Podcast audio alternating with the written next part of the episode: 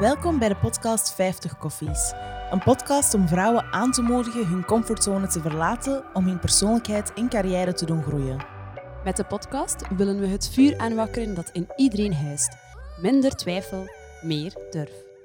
Anneliese werkte jaren als juriste voor de International General Electric en Chantal baatte een kappersketen uit. Beide dames besloten ondertussen meer dan tien jaar geleden om hun professioneel leven over een andere boeg te gooien en vonden elkaar daardoor. Ondertussen hebben ze al meer dan tien jaar samen een bedrijf in het prachtige Capelle, waarbij ze mensen ondersteunen als het aankomt op persoonlijk leiderschap. Ja, en we begonnen als een boekdames, monden uit in een bedrijf dat ondertussen heel veel bedrijfsleiders en ondernemers helpt. Jullie schreven meerdere boeken, jullie houden trainingen in de top Belgische bedrijven.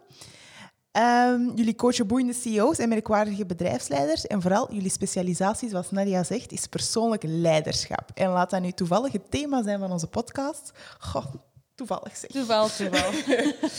Goedemiddag Chantal en Annelies en welkom op onze podcast 50 Koffies. Hallo. Hallo. Leuk dat jullie er zijn. Um, dames, we gaan er ineens invliegen en de vraag die we aan al onze podcastgasten stellen is, ja, hoe drinken jullie graag jullie koffie? Zijn jullie koffiefans? Absoluut niet. Ik zie er al twee tassen koffie, dus volgens mij wel. Maar vertel eens, hoe drinken jullie graag jullie koffie? Uh, ik drink graag mijn koffie lungo, dus uh, met een klein beetje melk. En als ik op vakantie ben, dan drink ik graag een cappuccino. Ik heb ook een jaar in Italië gewoond en daar heb ik heel veel verschillende soorten koffies geproefd. Dus ik vind het leuk om ook een beetje te experimenteren met mijn koffie. Oké. Doe mij maar zwart. Ik heb een, uh, een, aantal jaren geleden de melk uit mijn koffie verbannen en sindsdien drink ik mijn koffie zwart. Ik moet toegeven dat ik echt een koffiefan ben en dat ik mezelf onder controle moet houden, want ik zou te veel koffies drinken. Ik uh, verplicht mezelf om een laatste koffie om vier uur middags te drinken. Dat valt ons toch ook een beetje op dat eigenlijk veel uh, bedrijfsleiders of mensen die wij interviewen zeggen ja, wij moeten daar echt op letten op ons koffiegebruik. Dat is ja. zo. Everyone loves coffee. Um, nu, we hebben net een kleine introductie gedaan van jullie beiden. Hopelijk was dat een beetje correct en klopte dat ook? Ja, absoluut. Maar het is misschien toch eventjes leuk um, als jullie zelf zouden vertellen wat jullie effectief doen. Wij begeleiden bedrijven en ook individuen om hun persoonlijk leiderschap te activeren. Wij geloven er heel sterk in dat in elk bedrijf persoonlijk leiderschap de basis van het succes is. Dus wanneer dat elk teamlid of ook de bedrijfsleider zijn persoonlijk leiderschap ontwikkelt, dan zal er veel makkelijker een verandering, een beweging kunnen plaatsvinden in het bedrijf. Dus persoonlijk leiderschap bij elk individu installeren in een bedrijf, dat is wat wij echt doen.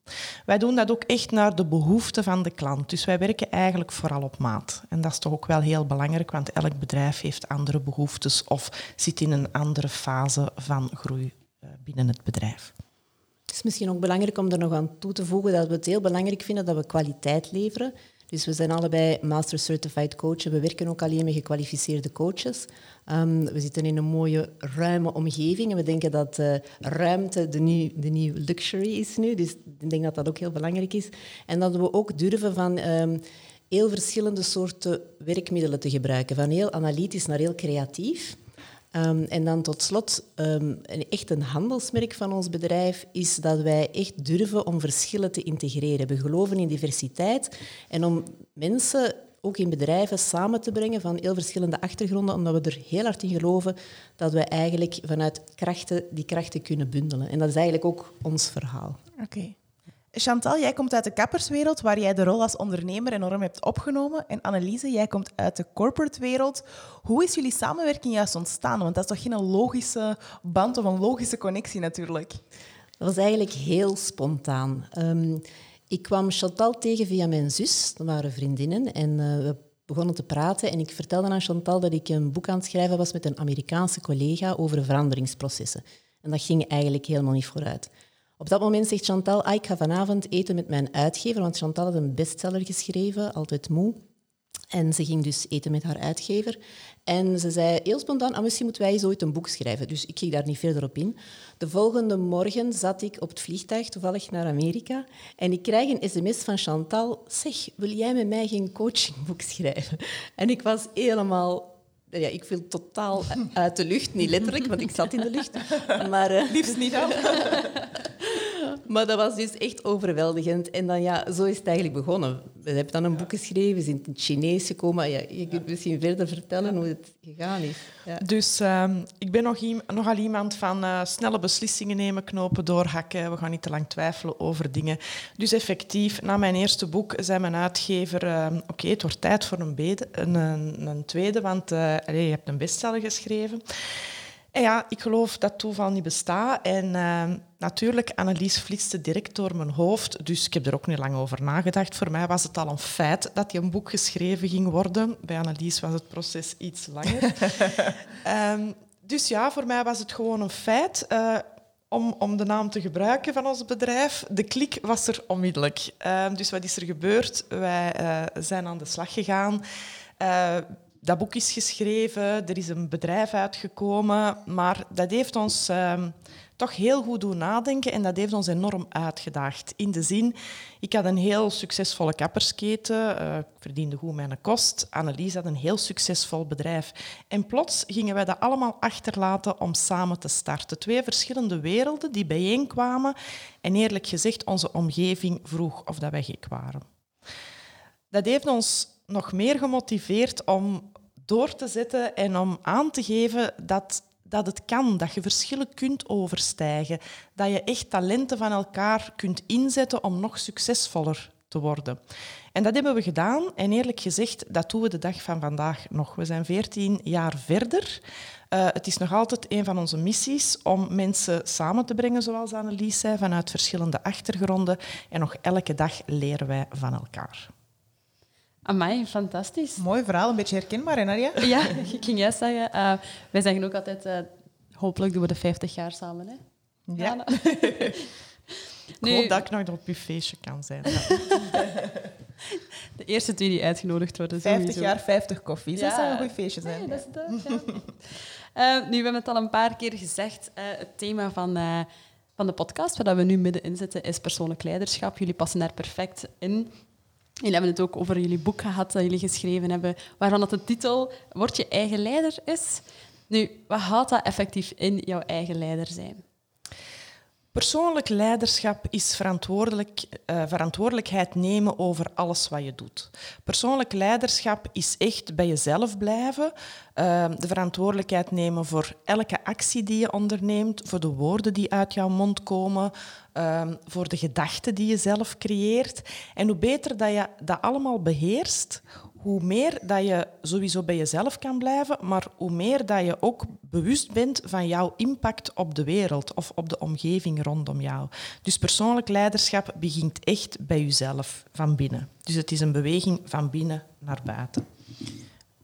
Te perfect uitgelegd. Ik heb daar niets specifiek aan toe te voegen. Het is echt inderdaad starten bij jezelf ja. en vanuit jezelf de verantwoordelijkheid nemen. Dat is belangrijk.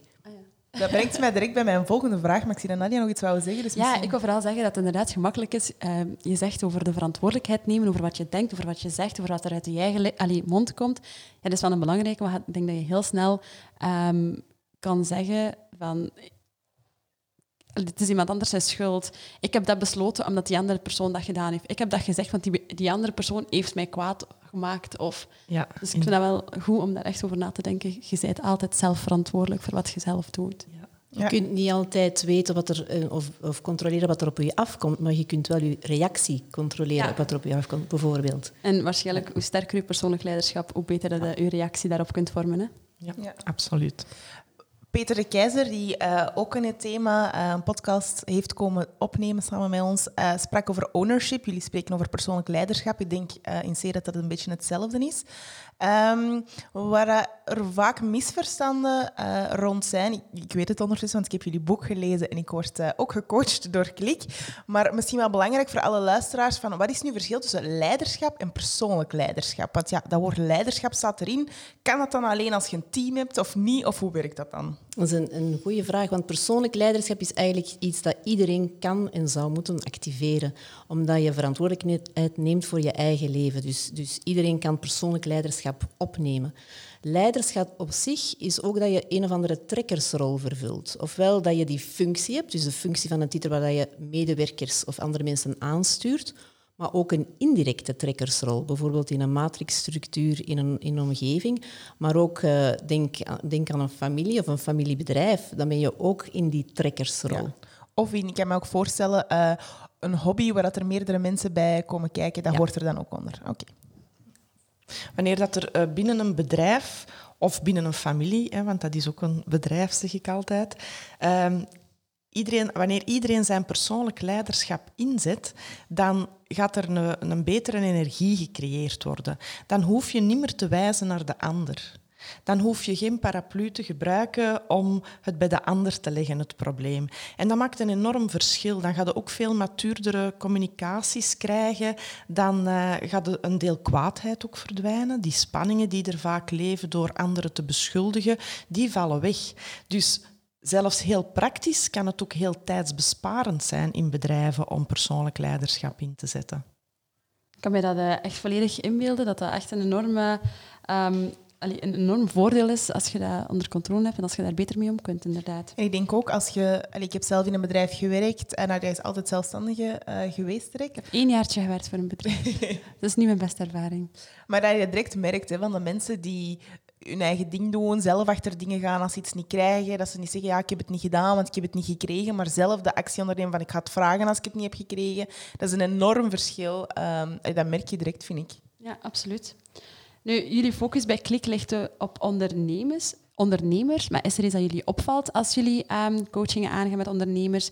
Is er bijvoorbeeld een bepaalde eigenschap die altijd terugkomt? Um, is er iets dat jullie opvalt? er zijn verschillende dingen die opvallen, maar het, wat er heel hard speelt sorry, is een heel grote nood aan reflectie om eventjes op de stopknop te kunnen drukken en te kijken van wat is er nu echt belangrijk. Er zijn zoveel ballen die ondernemers in de lucht moeten houden. Um, hoe ga ik daarmee om? Hoe zet ik alles op een rijtje? Hoe kan ik knopen doorhakken? Maar ook wat dat er voor ons soms uh, misschien evidenter is, die, die soft skills, die, die basisvaardigheden van hoe communiceer ik, hoe los ik bepaalde conflicten op, op, uh, op de werkvloer, hoe ga ik daarmee om? Dus er zijn heel veel basisdingen die ook wel terugkomen. En is er Ah ja, zeg maar. Sorry, ja, ik wou er nog even iets aan Zeker, toevoegen. zeker.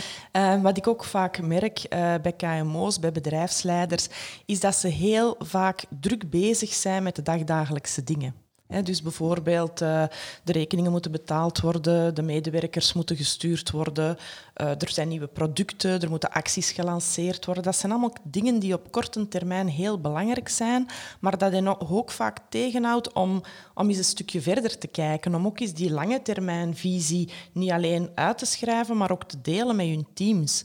Want de grote rijkdom, net zoals Annelies zei, ze noemen het wel uh, soft skills, maar de grote rijkdom in bedrijven zijn nog altijd uw medewerkers. En dat, dat zal niet veranderen waarschijnlijk.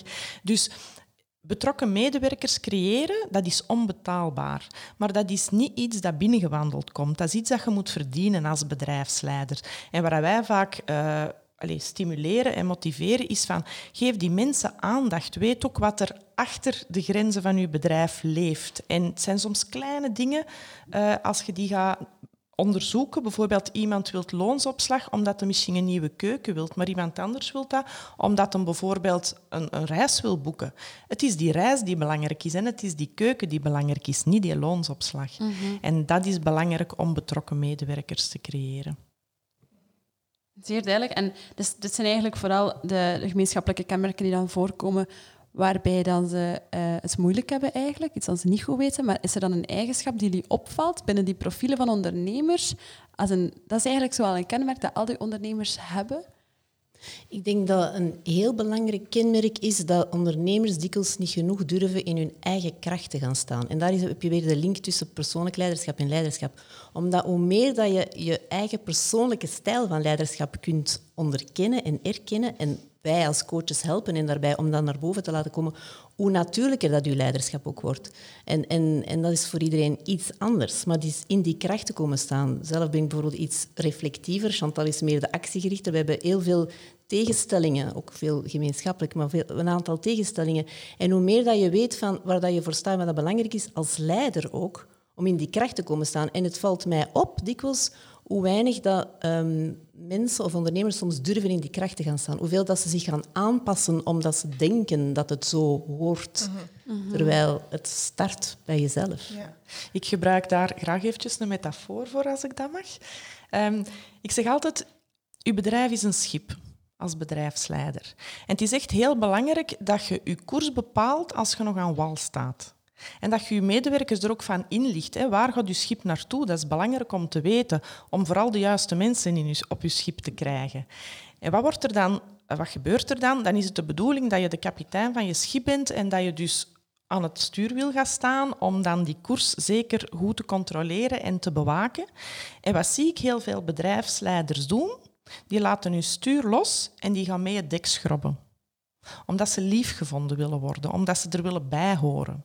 Maar dat is natuurlijk het gevaar, want dan weet ook wat er met je schip gaat gebeuren. Hè. Dan wijkt het af van je koers. En ik wil daar niet mee bedoelen dat uh, de kapitein altijd het stuurwiel moet vasthouden, want dat is onmogelijk, dat is een te zware taak. Maar als je het dan als bedrijfsleider loslaat, Doe dat dan om te rusten, of doe dat om te reflecteren, of doe dat om plannen uit te schrijven. Iemand van uw team zal dat stuurwiel wel overnemen op dat moment. Maar doe het vooral niet om mee het dek te schrobben. En dat is een metafoor die ik vaak inzet en waar dat ik zelf merk dat heel veel bedrijfsleiders tegenaan lopen. Oké. Nu hebben we het natuurlijk gehad over bedrijfsleiders die uh, een heleboel mensen onder zich uh, hebben. Er zijn ook heel veel ondernemers die bewust kiezen om uh, alleen te blijven of met een heel klein uh, team te blijven. Of het kan ook heel hard zijn dat je natuurlijk heel ambitieus bent binnen een bedrijf en dat je meer naar, het, uh, ja, naar een managementfunctie wil, waar je uiteraard misschien wel mensen onder jou hebt. Maar toch, wat is een algemeen, of dat je nu mensen onder jou hebt of niet, wat zijn algemeen de kenmerken van sterk persoonlijk leiderschap? Um, de kenmerken zijn vooral jezelf tot de orde kunnen roepen, naar je lichaam kunnen luisteren en niet altijd met de externe wereld bezig zijn, maar in eerste instantie met jezelf bezig zijn. Een stukje zelfliefde uh, allee, ontdekken bij jezelf. Hè? Want we denken vaak, ah, dat is egoïstisch, dat mag niet. Maar dat is echt de core van persoonlijk leiderschap. Als je jezelf niet graag ziet, dan kan je een ander ook niet graag zien. En dat is in gelijk welke vorm.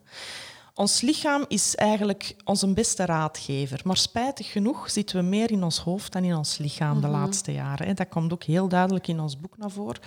Um, het is belangrijk dat wanneer dat je lichaam een signaal geeft, of weerstand, of je krijgt hartkloppingen, of je voelt je duizelig, of gelijk wat, dat je gaat zitten en dat je je lichaam vraagt, wat wil je me vertellen? Waar ben ik fout? En het is het is dat dat persoonlijk leiderschap activeert. Hoe bewuster dat je bent van alles wat er in jezelf gebeurt, hoe meer dat je je daarnaar kan gedragen. En het is niet alleen voor jezelf belangrijk, maar je kan dan ook natuurlijk nog een voorbeeld voor de anderen zijn. En hoe doe je dat dan? Want dat is easier said than done, denk ik. Luisteren naar je lichaam. Bon, hoe doe je dat? Chantal, hoe doe je dat? Dat is uw specialiteit. Ja. Uh, luisteren naar je lichaam is uh, in eerste instantie niet vechten tegen wat er zich aandient. Ja? Um, als we dan gaan kijken naar uh, wat ons lichaam ons vertelt, dan zijn dat vaak kleine signalen. Maar doordat we maar hollen, hollen en rennen en rennen en onszelf dan ook vaak voorbij rennen, dan, dan blokkeren we daarop. En een lichaam is gemaakt om van stress naar rust te gaan en terug naar stress te gaan en terug naar rust te gaan. Dan zijn we op ons beste. We hebben die stress nodig, dat is die adrenaline, we voelen die graag door ons lijf gieren, maar we hebben die wel nodig om daarna in rust te gaan. Nu, wanneer dat je uh, constant in die stress zit, dan ga je lichaam verkeerde signalen geven. En jullie kennen dat misschien wel, dat gevoel als jonge, hevige ondernemers. Ehm, je hebt keihard gewerkt, je zit vol energie en je komt s'avonds in je zetel en je voelt die onrust. Het, het, terwijl je echt in fysiek in rust zit, voel je die onrust. Kennen jullie dat gevoel? Ik denk dat dat de story of my life is. als er een boek zou komen, dan zou je die zo noemen. Ja. Um, en dat is um, waar dat je waakzaam voor moet zijn. Want als dat erger wordt, dan kom je in burn-out, dan kom je in depressie terecht. En dat, dat is natuurlijk waar dat je niet wilt zitten. Dus leer wanneer... Ja, leer letterlijk eens stilzitten. En dus gewoon aan je eigen lichaam te vragen... Wat heb je me nu vandaag te vertellen? Wat zijn de nieuwsjes? Je moet niet altijd naar het nieuws zien. Vraag het nieuws eens aan je eigen lichaam. En hoe bewuster dat je bent, hoe beter dat je kan zeggen, oké, ik heb vorige keer dat geprobeerd, want ik was wat over mijn toeren en ik heb toen een lange wandeling gemaakt. Ah, misschien moet ik nu, nu ligt er dat op mijn maag. Hè. Onderschat ook ons woordgebruik niet. Hè. Als je zegt, er ligt iets op mijn maag of ik ben misselijk, dan ligt er ook letterlijk iets op je maag. Hè.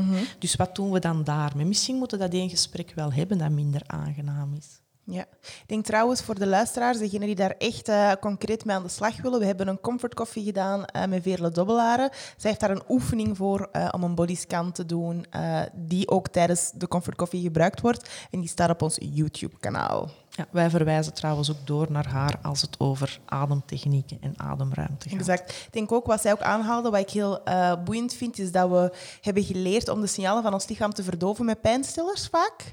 Dat is wanneer dat we uh, inderdaad maagpijn hebben of, of uh, ik weet het niet, een andere pijn, keelpijn, zeg maar iets, dat we naar de apotheek lopen om een pilje te pakken om die pilke, peenkeil, ja, goed, keelpijn niet meer te horen, niet meer te voelen en dat we um, ja, dat dat vaak ons juist heel veel dingen wil zeggen, maar dat we dat, ons lichaam het zwijgen opleggen door medicatie die we gebruiken. Ik denk ook dat dat misschien zo'n pijn wel een beetje gewoon wordt. Ja, ik heb eigenlijk al, ja, maar ik heb dat al lang zo even zo hoofdpijn. Of ik loop al lang met zo'n rugklachten. Of ik loop al lang met, met bepaalde pijnen in je, in je lichaam. En dat dat, dat zo dat dat gewoon wordt en dat dat gewend ja, wordt. Terwijl dat je aan je lichaam vraagt van oké, okay, hoofdpijn, wat wilde me nu eigenlijk vertellen? Ja. Krijg je ook echt een antwoord. Hè? Het klinkt misschien wel raar, maar er is altijd een antwoord. Ik, ik heb dat nog nooit gedaan, maar ik ga dat nu wel eens doen. Als ik dat zo eens voel, dan ga ik echt zo... Ik heb daar ook een heel goed boek over uh, gelezen van uh, Louise Hay. Je kunt ja. je leven helen. Die spreekt daar ook heel hard over. Hè? Over wat eigenlijk elke pijn in je lichaam eigenlijk u wilt zeggen. Ja, inderdaad. Ja, Jana, dat moet je mij wel op voorhand zeggen. Hè? ik heb dat boek nog niet gelezen, maar ik ga het bij deze toch wel zeker eens doen. nu, jullie boek heb ik wel gelezen. Um, en daarin verdelen jullie persoonlijk leiderschap eigenlijk in twee grote delen. Ik ben en ik doe. Nu, waarom splitsen jullie dat zo op? En, en wat maakt het eigenlijk dat die twee delen helemaal anders zijn? Heel veel mensen starten als je vraagt van, um, als je een gesprek aangaat, wat doe je? Niet wie ben je? Je moet maar zo denken als je op een netwerkevent bent of mensen delen kaartjes uit, er staat een titel op, functiebeschrijving, wat doe je?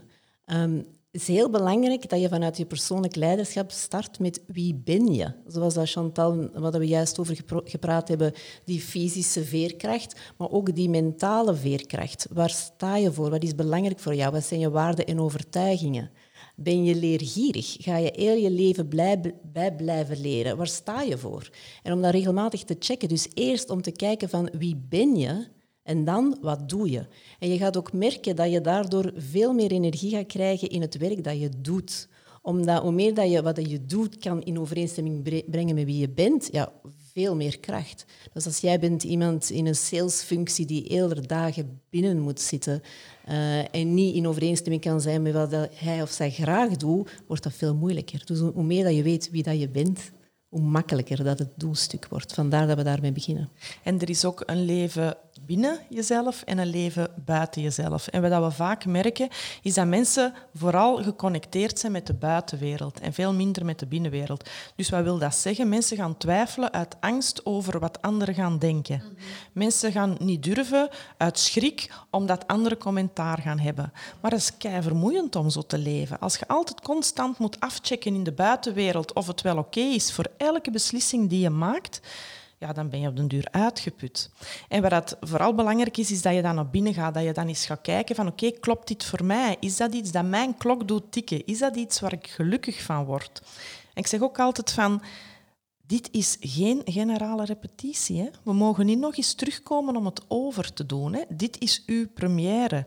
Dus dit is uw film die je zelf kunt schrijven als je dat wilt. Maar je kunt ook beslissen om te leven in de film van iemand anders. En dan gaat op het einde van je leven gaat je misschien spijt hebben dat je de dingen niet gedaan hebt die je zo graag had willen doen.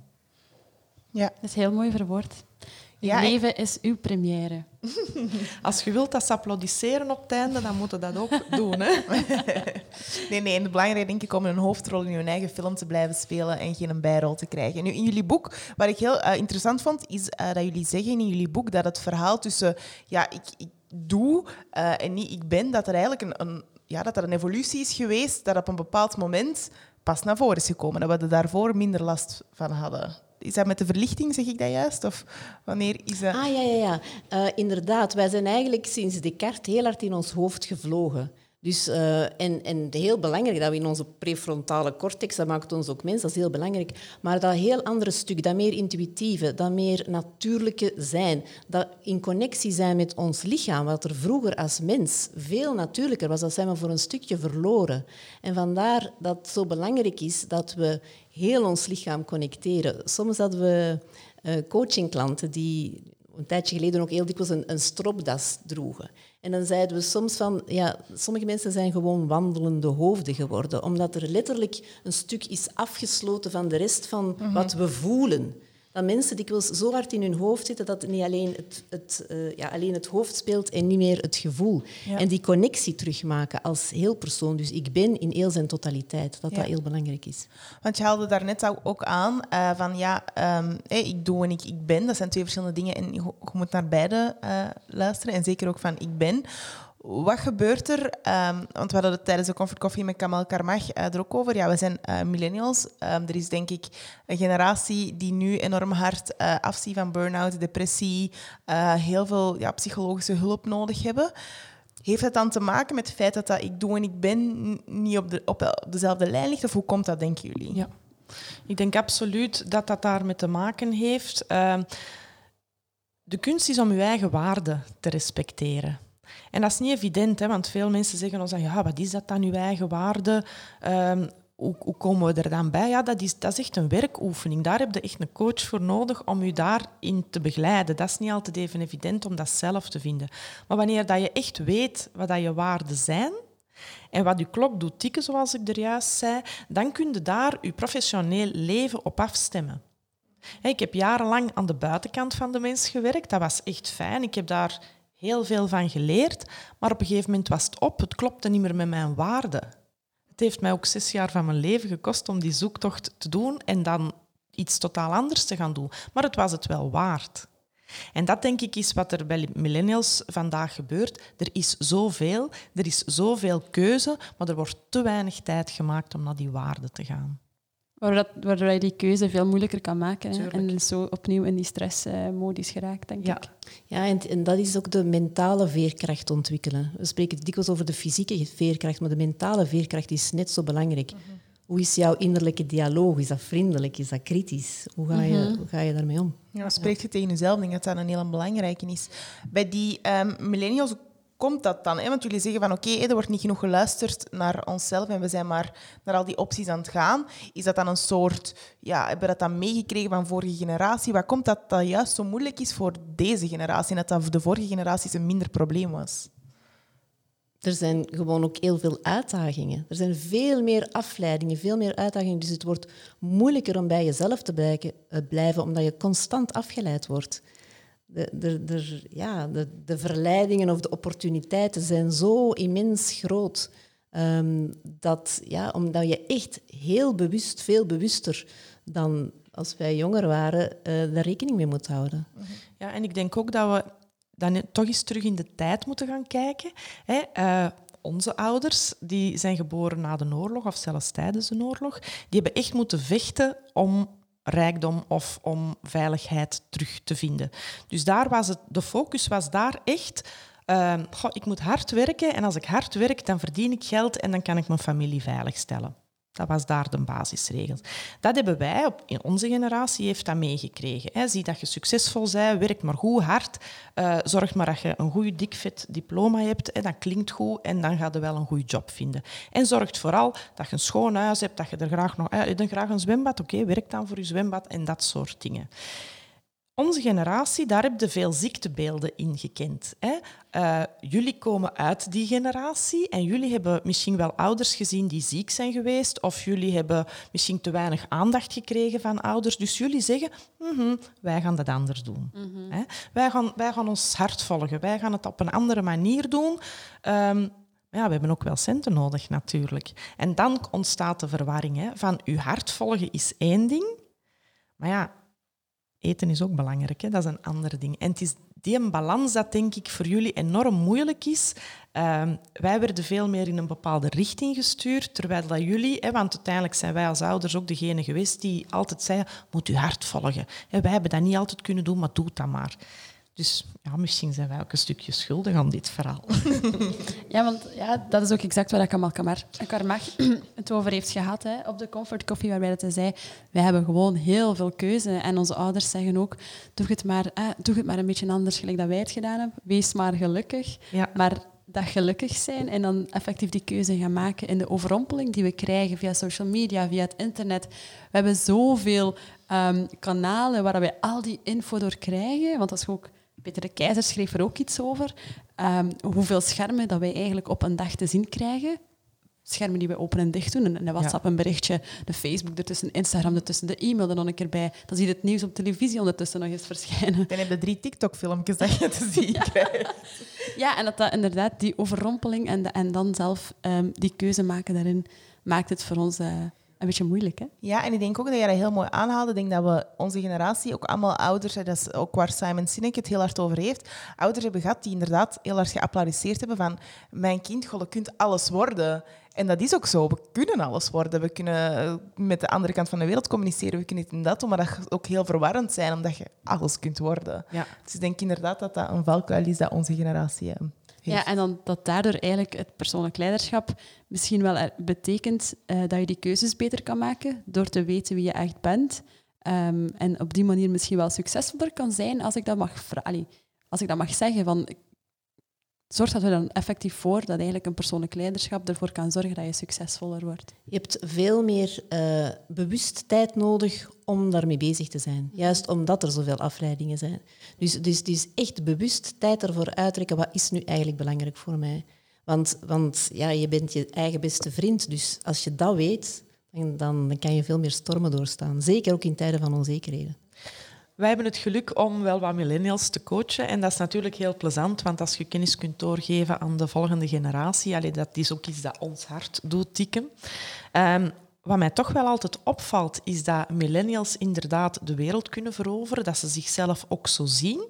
Maar tegelijkertijd zit daar ook nog altijd dat stukje van ik wil me bewijzen, ik wil goed doen, ik wil aan mijn ouders tonen dat ik het echt wel kan. Wat natuurlijk de spanning enorm vergroot. Dus misschien is dat, als ik dan een tip mag geven, ook wel een stukje van ga uw eigen weg. Allee, laat die stem van uw mama en uw papa, die mag er zijn om lieve dingen te zeggen, maar laat die nu gewoon even verdwijnen, want die gaat u niet verder helpen in het leven. En want dat vind ik dan wel heel interessant. Ik ga er even op inzoomen van hoe komt dat dan dat die stem er altijd is? Dat is en waarom luisteren we ernaar? En, en wat voor effect heeft dat op ons? Dat vind ik dan weer heel boeiend. Ze is heel coaching nu, zeker. De vraag is wie gaat daar antwoorden?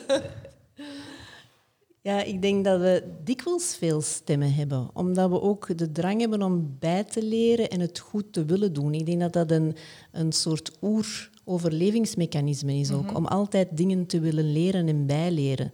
Uh, en zeker als we uit onze stresssituatie geraken, ja, dat, dat maakt het ook het boeiende, want dat is de evolutie. Het belangrijke is om dan het, de ruis van het echte te onderscheiden. Naar welke stemmen wil je horen? Wat is echt belangrijk voor jou? En om dan zeker zo sterk naar je eigen stem te leren luisteren. En ik denk dat we dat dikwijls vergeten zijn.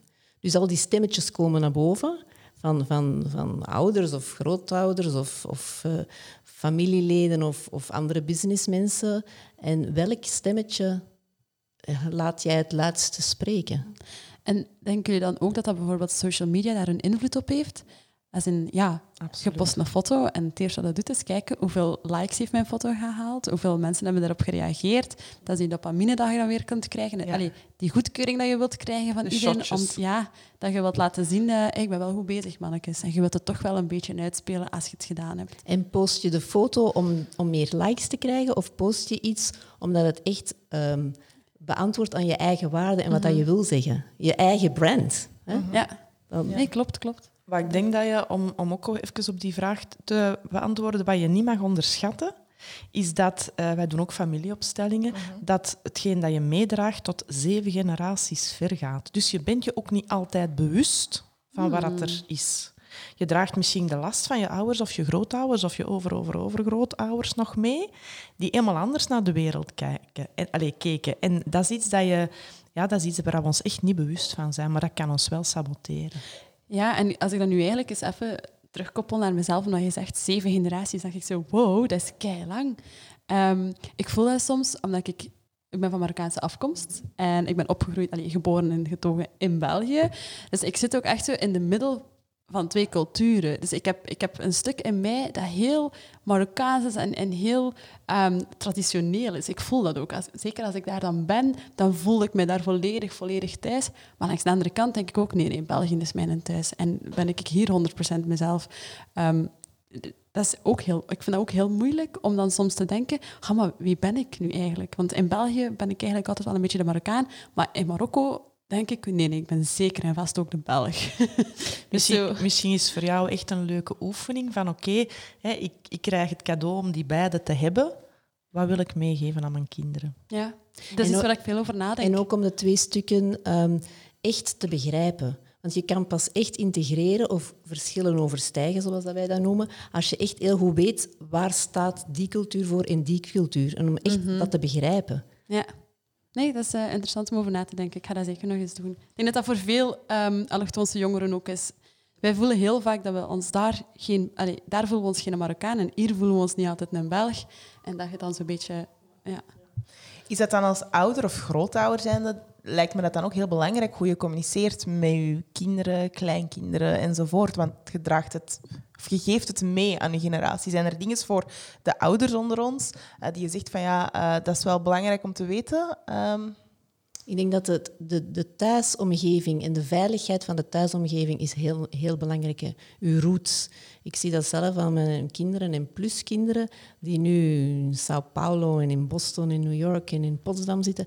Um, degenen die, die echt de, de roots hebben gekregen, ja, dan kan je dan kan je heel veel aan. Maar die veiligheid creëren en die thuissituaties met die waarden die je meegeeft, en ook dikwijls universele waarden. Want ze zijn dikwijls uh, gebonden aan bepaalde culturen, maar er zijn ook diepe menselijke waarden die eigenlijk alles overschrijden. En, en om daar naar op zoek te gaan. En die, die veilige thuisbasis, ik denk dat dat een hele belangrijke is. Oké. Even over een heel andere boeg, uh, dat we toch even ook willen gooien. Want persoonlijk leiderschap, ja, dat is ook toch wel die drive uh, in jezelf vinden, die ownership, zoals Peter de Keizer het zegt. Uh, vinden in jezelf. We weten al, oké, dat we een goede thuisbasis nodig hebben. Dat is heel belangrijk. We weten dat we gewoon moeten luisteren naar onszelf door reflectie te doen. Um, er is natuurlijk ook een heel andere kant. En zeker in de westerse wereld denk ik dat die enorm belangrijk is. En dat is natuurlijk dat resultaatgerichtheid dat er toch wel in zit.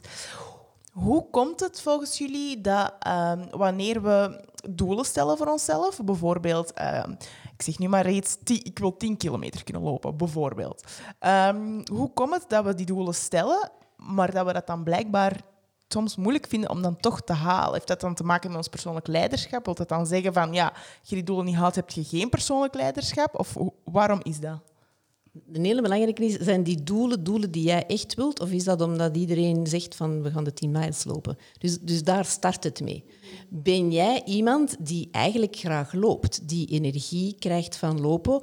Of ga je liever stevig stappen of tennissen of wat dan ook? Mhm. dus, dus dat vind ik een ongelooflijk belangrijk. Zijn die doelen intern gemotiveerd of is het omdat het nu de flavor of the day is? Dat, dat vind ik een allerbelangrijkste. Ik vind een hele mooie reflectie. Ja, dat is waar.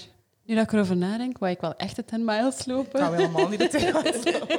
en we hadden dat niet. We hadden gewoon gezegd hebben, ooit in ons leven, we willen een keer de 10 miles gelopen hebben. Omdat inderdaad, iedereen doet dat zo. En dat is precies zo een afvink pak je dat iedereen niet. Een misschien een leuk systeem om, uh, om er toch te geraken. Hè? Als je het echt zelf zou willen. Dan, uh, en dat zijn microveranderingen. En ik weet niet of dat jullie al ooit van microveranderingen gehoord hebben, maar dat is een systeem en dat werkt echt. En ik wil jullie graag even de stappen van het systeem meegeven.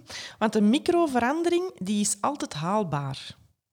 Dus de kunst is eigenlijk om een verandering, om de olifant in stukken te kappen eigenlijk, en om een, een verandering zo klein te maken, maar toch net genoeg uitdagend, waardoor dat je ze kan realiseren. En er is een stappenplan voor. Eerst en vooral natuurlijk, wat is uw microverandering? Dus schrijf op wat uw microverandering is. Ten tweede, is ze gemakkelijk genoeg? Hè? Is het een microverandering die, waar dat je niet uh, veel moeite voor moet doen? Als ik bijvoorbeeld, uh, als ik bijvoorbeeld mensen tegenkom die moeilijk uh, kunnen ademen, alleen of die last hebben met hun ademhaling, dan zeg ik altijd, besteed twee minuten per dag aan het regleren van je ademhaling. Dat is haalbaar. -hmm. ja? Als ik zeg, doe vanaf nu ademt gezond nu, dan is dat te groot. Dat gaat mm -hmm. niet. Hè? Dus maak je microverandering gemakkelijk en klein. Maak ze ook duidelijk en meetbaar. Ze moet meetbaar kunnen zijn, anders werkt het niet. Geef u achteraf ook een instante beloning. Dus als je het gehaald hebt, die ene kleine microverandering, geef jezelf dan een beloning en maak ze persoonlijk. Niemand anders kan het voor u doen. Dus het is echt iets dat je zelf moet doen. Dus de persoonlijke uh, microverandering. En het moet bij u kleven. Als je het inderdaad doet omdat anderen het doen, zal het niet werken. Dus het moet kleven. En zorg ervoor dat uw microverandering de volgende al activeert. Maak nooit meer dan twee microveranderingen tegelijkertijd. Want als je natuurlijk tien tegelijk gaat doen, gaat het ook niet werken. Hè? Dat is misschien zo een fout dat we allemaal maken. Als je, je denkt, oké, vanaf nu ga ik en gezond eten en sporten en ga ik elke dag fietsen en ga ik op mijn eten. Ja. Allee, zo. En meditatie en, en stretchen en ik wil een split kunnen en, en lezen. En, ja, inderdaad, dat je alles in één keer wilt doen. Ik denk dat dat misschien wel echt een grote fout is. Ik word al moe in jullie plaatsen. Ja. We kijken zo naar elkaar. Yep, guilty. Oké, dus uh, kleine microveranderingen, inderdaad, dat lijkt mij heel haalbaar. En ik denk ook, die, uh, wat je aanhaalt, die beloning, dat die ook uh, belangrijk is. Hè? Dat is wat wij eigenlijk wel ook, doen. Ja. ja. Dat, en dat is ook in bedrijven zo. Hè? Dat is wat wij ook in teams binnenbrengen. Hè? Dat is niet alleen als individu, maar ook in bedrijven zijn die microveranderingen uiterst belangrijk. Mm -hmm. Ja, want ik denk zeker bij het leiden van een team, of dat je het soms zelf ervaart, is dat veel misschien veel bedrijfsleiders denken, op het einde van de rit, na twaalf maanden super hard geknald hebben, geven we een kleine bonus. Maar eigenlijk gaat het helemaal niet om die bonus, want je wilt doorheen de maanden, doorheen het jaar, doorheen de dagen die appreciatie voelen um, en, en weten wat je op dat moment gedaan hebt, wat er goed was, wat er slecht was. En dat het daardoor soms ook... Uh, we spreken soms van het creëren van een feedbackcultuur. Dat is niet één keer per jaar dat je een gesprek hebt. Dat is eigenlijk dag, dagelijks leren hoe dat je feedback geeft. Mm -hmm. Zodat dat een natuurlijk proces wordt. Ja, Geert Noels heeft er ook over gehad um, in de podcast.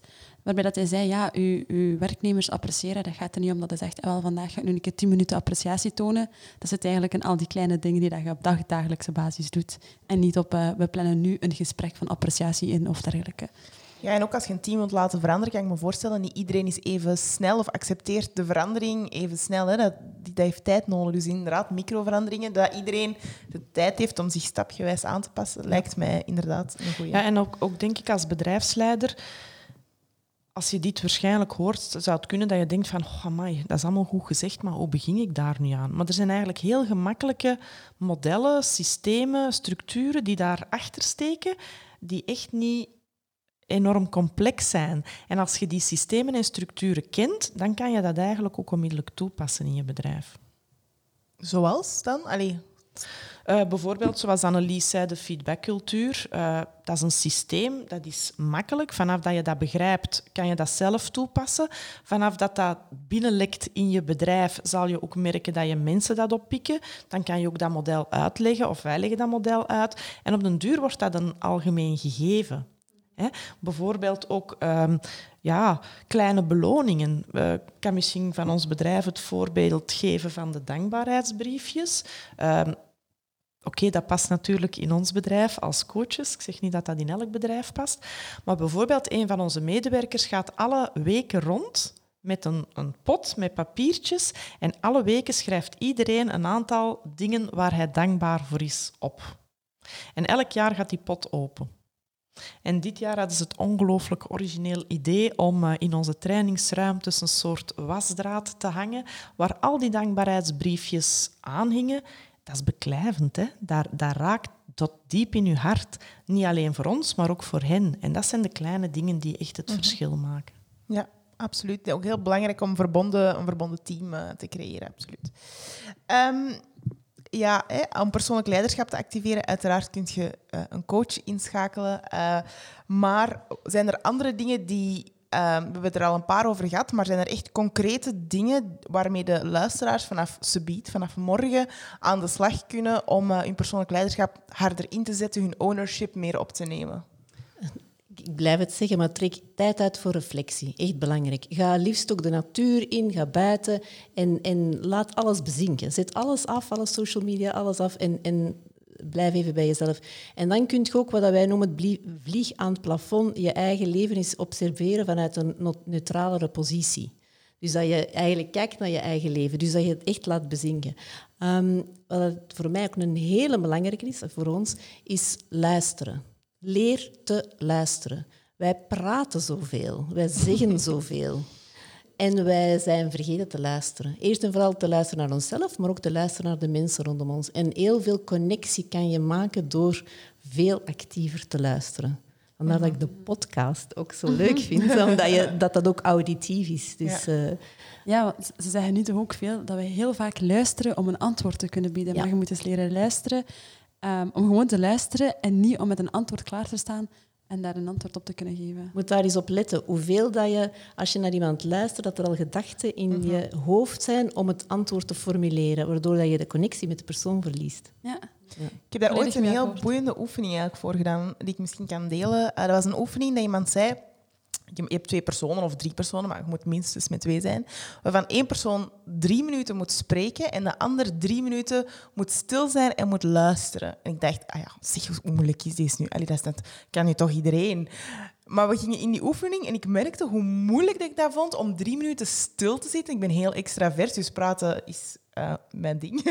uh, hoe moeilijk dat, dat is om niet te mogen zelfs niet te mogen zeggen, aha, aha, ah ja, ah ja, oeh, ja, niks gemocht je zeggen. En hoe moeilijk dat dat is. En anderzijds ook hoe onwennig dat dat is, als het dan wel uw tijd was om te spreken, om drie minuten van iedereen onverdeelde allez, aandacht te krijgen. Hoeveel keer krijgen wij drie minuten waar mensen echt niks zeggen en gewoon naar ons luisteren? Eigenlijk nooit meer. Dus ik vond dat wel een goede oefening om dat zo eens te testen. Ja, inderdaad.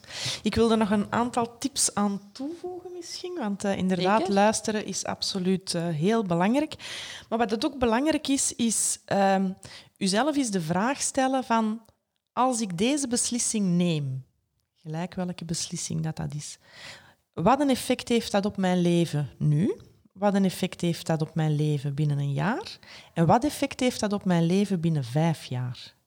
En vaak denken mensen op dat gebied niet, lang, allez, niet ver genoeg door. Want een beslissing die misschien nu, omdat anderen dat zo leuk vinden, genomen wordt, kan wel een enorme impact hebben op je leven voor de volgende jaren. Ik stel mezelf ook altijd twee vragen. Eerst en vooral, wat is het ergste dat mij kan overkomen? En de tweede vraag is, maakt dit van mijn leven een feestje? Dat zijn twee vragen die ik mezelf stel. Dat ik, uh, en dan ook, en dat is ook iets waar we echt voor pleiten, vandaar ook onze dankbaarheidsspot. Leef in dankbaarheid. Dankbaarheid klinkt misschien allemaal wat zweverig, maar het overstijgt angst, pijn en spanningen. En vaak zijn we zo vinden we het allemaal maar normaal wat dat er is. Ook in bedrijven. Hè. Een medewerker die supergoed zijn best doet, is dat normaal? Of mogen we er ook wel gewoon eens dankbaar voor zijn? Zo die kleine dingen zijn belangrijk. En natuurlijk, wie voeden? Hè? Uw innerlijke coach of uw innerlijke criticus? Ja, inderdaad. Over dat dankbaarheid, ik vind ook, um, dat is iets dat ik van mijn mama heb geleerd. Die uh, heeft me oefening gegeven van elke keer voor je gaat slapen, als je een slechte dag hebt gehad en je denkt zo, ah, slechte dag, je kent het wel, om altijd vijf dingen op te noemen, of tien, ik ga altijd proberen tot tien te gaan, uh, waarvoor je dankbaar kunt zijn. En als ik dat doe en ik, heb, ik ben gestresseerd, dan ga ik ook uit mijn hoofd in mijn, in mijn ja, lichaam, zal ik maar zeggen, want dankbaarheid zit bij mijn hart en zit bij mijn maag en zit helemaal niet meer in mijn hoofd. En dat vind ik ook altijd een heel mooie connectie om te kunnen, te kunnen maken. Dus dat is belangrijk. Ik heb de oefening leren doen door Jana. ik heb, die heeft mij dat zo echt aangeraden. Nee, Nadja, je moet dat echt gewoon doen vanaf nu. en sindsdien doe ik het ook wel veel meer. Ja, ik heb misschien ook nog wel iets dat ik persoonlijk even wil delen. We hebben het erover gehad, over dat één woordje dat het verschil in mijn leven heeft gemaakt. Uh, ik, ik heb een hele lieve, warme papa. Allee, die mens maakt nooit geen ruzie, of, of zelden ruzie met mij. Maar als ik als kind hem wou kwaad krijgen, dan moest ik gewoon zeggen, ik kan dat niet. Oh, dan, echt, dan ging hem letterlijk door de rooien. Daar werd hem echt enorm boos van. Zelfs als ik al heel klein was. En hij zei altijd, ik kan, zeg alsjeblieft, ik kan dat nog niet. En dat één woordje nog heeft eigenlijk mijn leiderschap in heel mijn leven bepaald. Dus ik kan dat niet we zijn geen bomen. Hè? Het is niet omdat we het vandaag niet kunnen, dat we het volgend jaar niet kunnen komen. Dus, dus dat is ook zo'n tip van, let ook een beetje op de woorden die je uitspreekt. Als en dat je jezelf ook wel veel kunt wijsmaken door zo'n dingen te zeggen, dat je hersenen Ja. dat beginnen te geloven. Ja, of, van die algemene uitspraken. Ik ga dat nooit kunnen. Of het is altijd met mij dat het, dat het eh, voorkomt. Of die, die veralgemeningen. Ehm, Ik krijg er al kippenvel van. ja. Ja. ja. Dus eigenlijk wat we dan vooral niet moeten doen, of vooral zouden moeten vermijden, is die veralgemening en, ja, en ons const- die eigen dingen ja, wijsmaken. en, en lief met onszelf praten. Zoals dat Chantal zei, hè, niet, in- niet altijd onszelf afbreken in een negatieve spiraal, maar positief gaan denken. Blijven positief praten met onszelf. Ik kan dat nog niet. Of een en-en denken in plaats van of-of denken. En dan misschien En- dankbaar zijn voor de dingen die je wel doet. Ja, Absoluut, absoluut. Want dankbaarheid creëert ook meer dankbaarheid. En ook kruip niet in het hoofd van de ander. Dat is verboden terrein. Ja, daar vliegen de gevangenis voor in, zeg ik altijd. Eh, als wij in bedrijven werken en eh, al onze coaches zijn daar ook eh, allee, voor opgeleid. Vanaf dat mensen zeggen, ik denk dat jij denkt, of je zal wel denken dat, dan wordt er onmiddellijk een stop ingezet. Want je kan niet denken voor de ander. En dat maakt je leven zo vermoeiend. Ehm, ja, de mensen die dat kunnen, die kopen een glazen bol en die gaan op de voor zitten. Hè. Dat zijn degenen die dat misschien wel kunnen, of toch zeggen dat ze dat kunnen. Ehm, maar wij kunnen dat niet. Dus ga er niet vanuit dat je mag inbreken in het hoofd van de ander. Ik denk dat dat ook een goede oefening is, omdat je dat heel snel doet. Heel snel. Ja, maar je denkt waarschijnlijk en onbewust. Ja, die, die denkt gewoon dat ik dat niet goed be- bedoel. Die denkt gewoon dat. Ja. En dan is het kunst om feitelijke vragen te stellen. Mhm. Wanneer heeft hij gezegd dat ze dat denkt? Hoe kunnen we weten dat ze dat denkt? En dat soort vragen helpen u uit die spiraal. Want dat is inderdaad een spiraal, want je kunt dan... Wat ik soms hoor bij andere mensen is zo van... Ja, ik denk dat die dat denkt, dat ik dat denk. Dan denk ik, wauw. Ja, Ja, ik moet ook zeggen dat je, je zit daar heel goed in, vind ik. Allee, dan dank u. Ja, ik weet dat je daar heel hard op let en dat je dat heel hard... Nee, dat is niet waar, die denken dat niet. Nee, dat- nee je mocht dat niet denken dat die... Ja. Ik betrap me eigen erop dat ik dat dat is af en toe wel eens Dat doe. oefenen. Ja. Ja. Absoluut.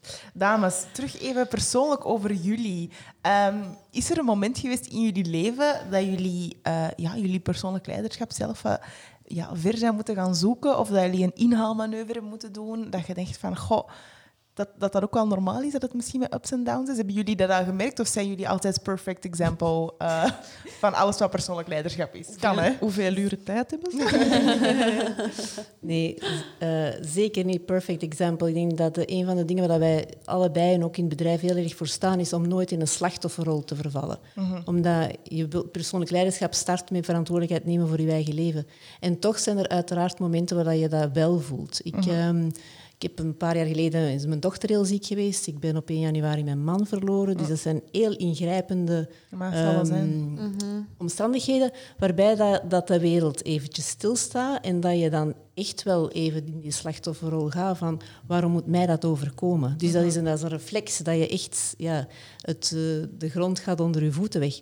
Maar tegelijkertijd denk ik dat het ook heel belangrijk is om daar dan uit te krabbelen. En, en, en letterlijk zeg ik krabbelen, hè, want dan met heel veel hulp van een hele goede vernoot, van mensen die u, die u heel graag zien, om daar ehm, bewust bij stil te staan en ook te denken van oké, hoe kan ik die, uit die slachtofferrol geraken en ook dankbaar zijn voor wat er geweest is. En dan, dan proberen wij, ik denk dat we dat allebei doen, heel hard die switch te maken naar dankbaarheid. Dankbaarheid dat het 1 januari was en nu nu. Dankbaarheid, eh, al die verschillende de, de moment van. Ehm, en ik denk dat leiderschap daarom, persoonlijk leiderschap, eh, zoals elk leermoment, soms stagneert dat, of soms ga je zelfs een beetje achteruit. Maar het, het allerbelangrijkste is dat die curve blijft naar boven gaan. In, dat, je, dat je blijft openstaan voor nieuwe ervaringen, voor bijleren. Wat zijn ervaringen die we meemaken? Wat leert dat ons? En hoe gaan we daarmee aan de slag? Hoe integreren we dat in ons leven en gaan we vooruit? Ja. ja, want ik kan me ook wel inbeelden dat je soms dat moment gewoon wel ook nodig hebt. Ja, Om daar gewoon echt, eh, dat je je eigen echt wel een keer toelaat om een hele dag in je bad te blijten met een blijt Ja, ja. Blijtmuziek. Ja. En dat is ook heel zo. belangrijk, omdat wij nemen soms het voorbeeld van als, als je in het water bent en je du- duwt een bal onder water en je verdrinkt dan bijvoorbeeld verdriet of zo, dat komt veel groter terug naar boven. Dus het is heel belangrijk om ook soms momenten in je leven uh, stil te staan. En u toe te laten om stil te staan.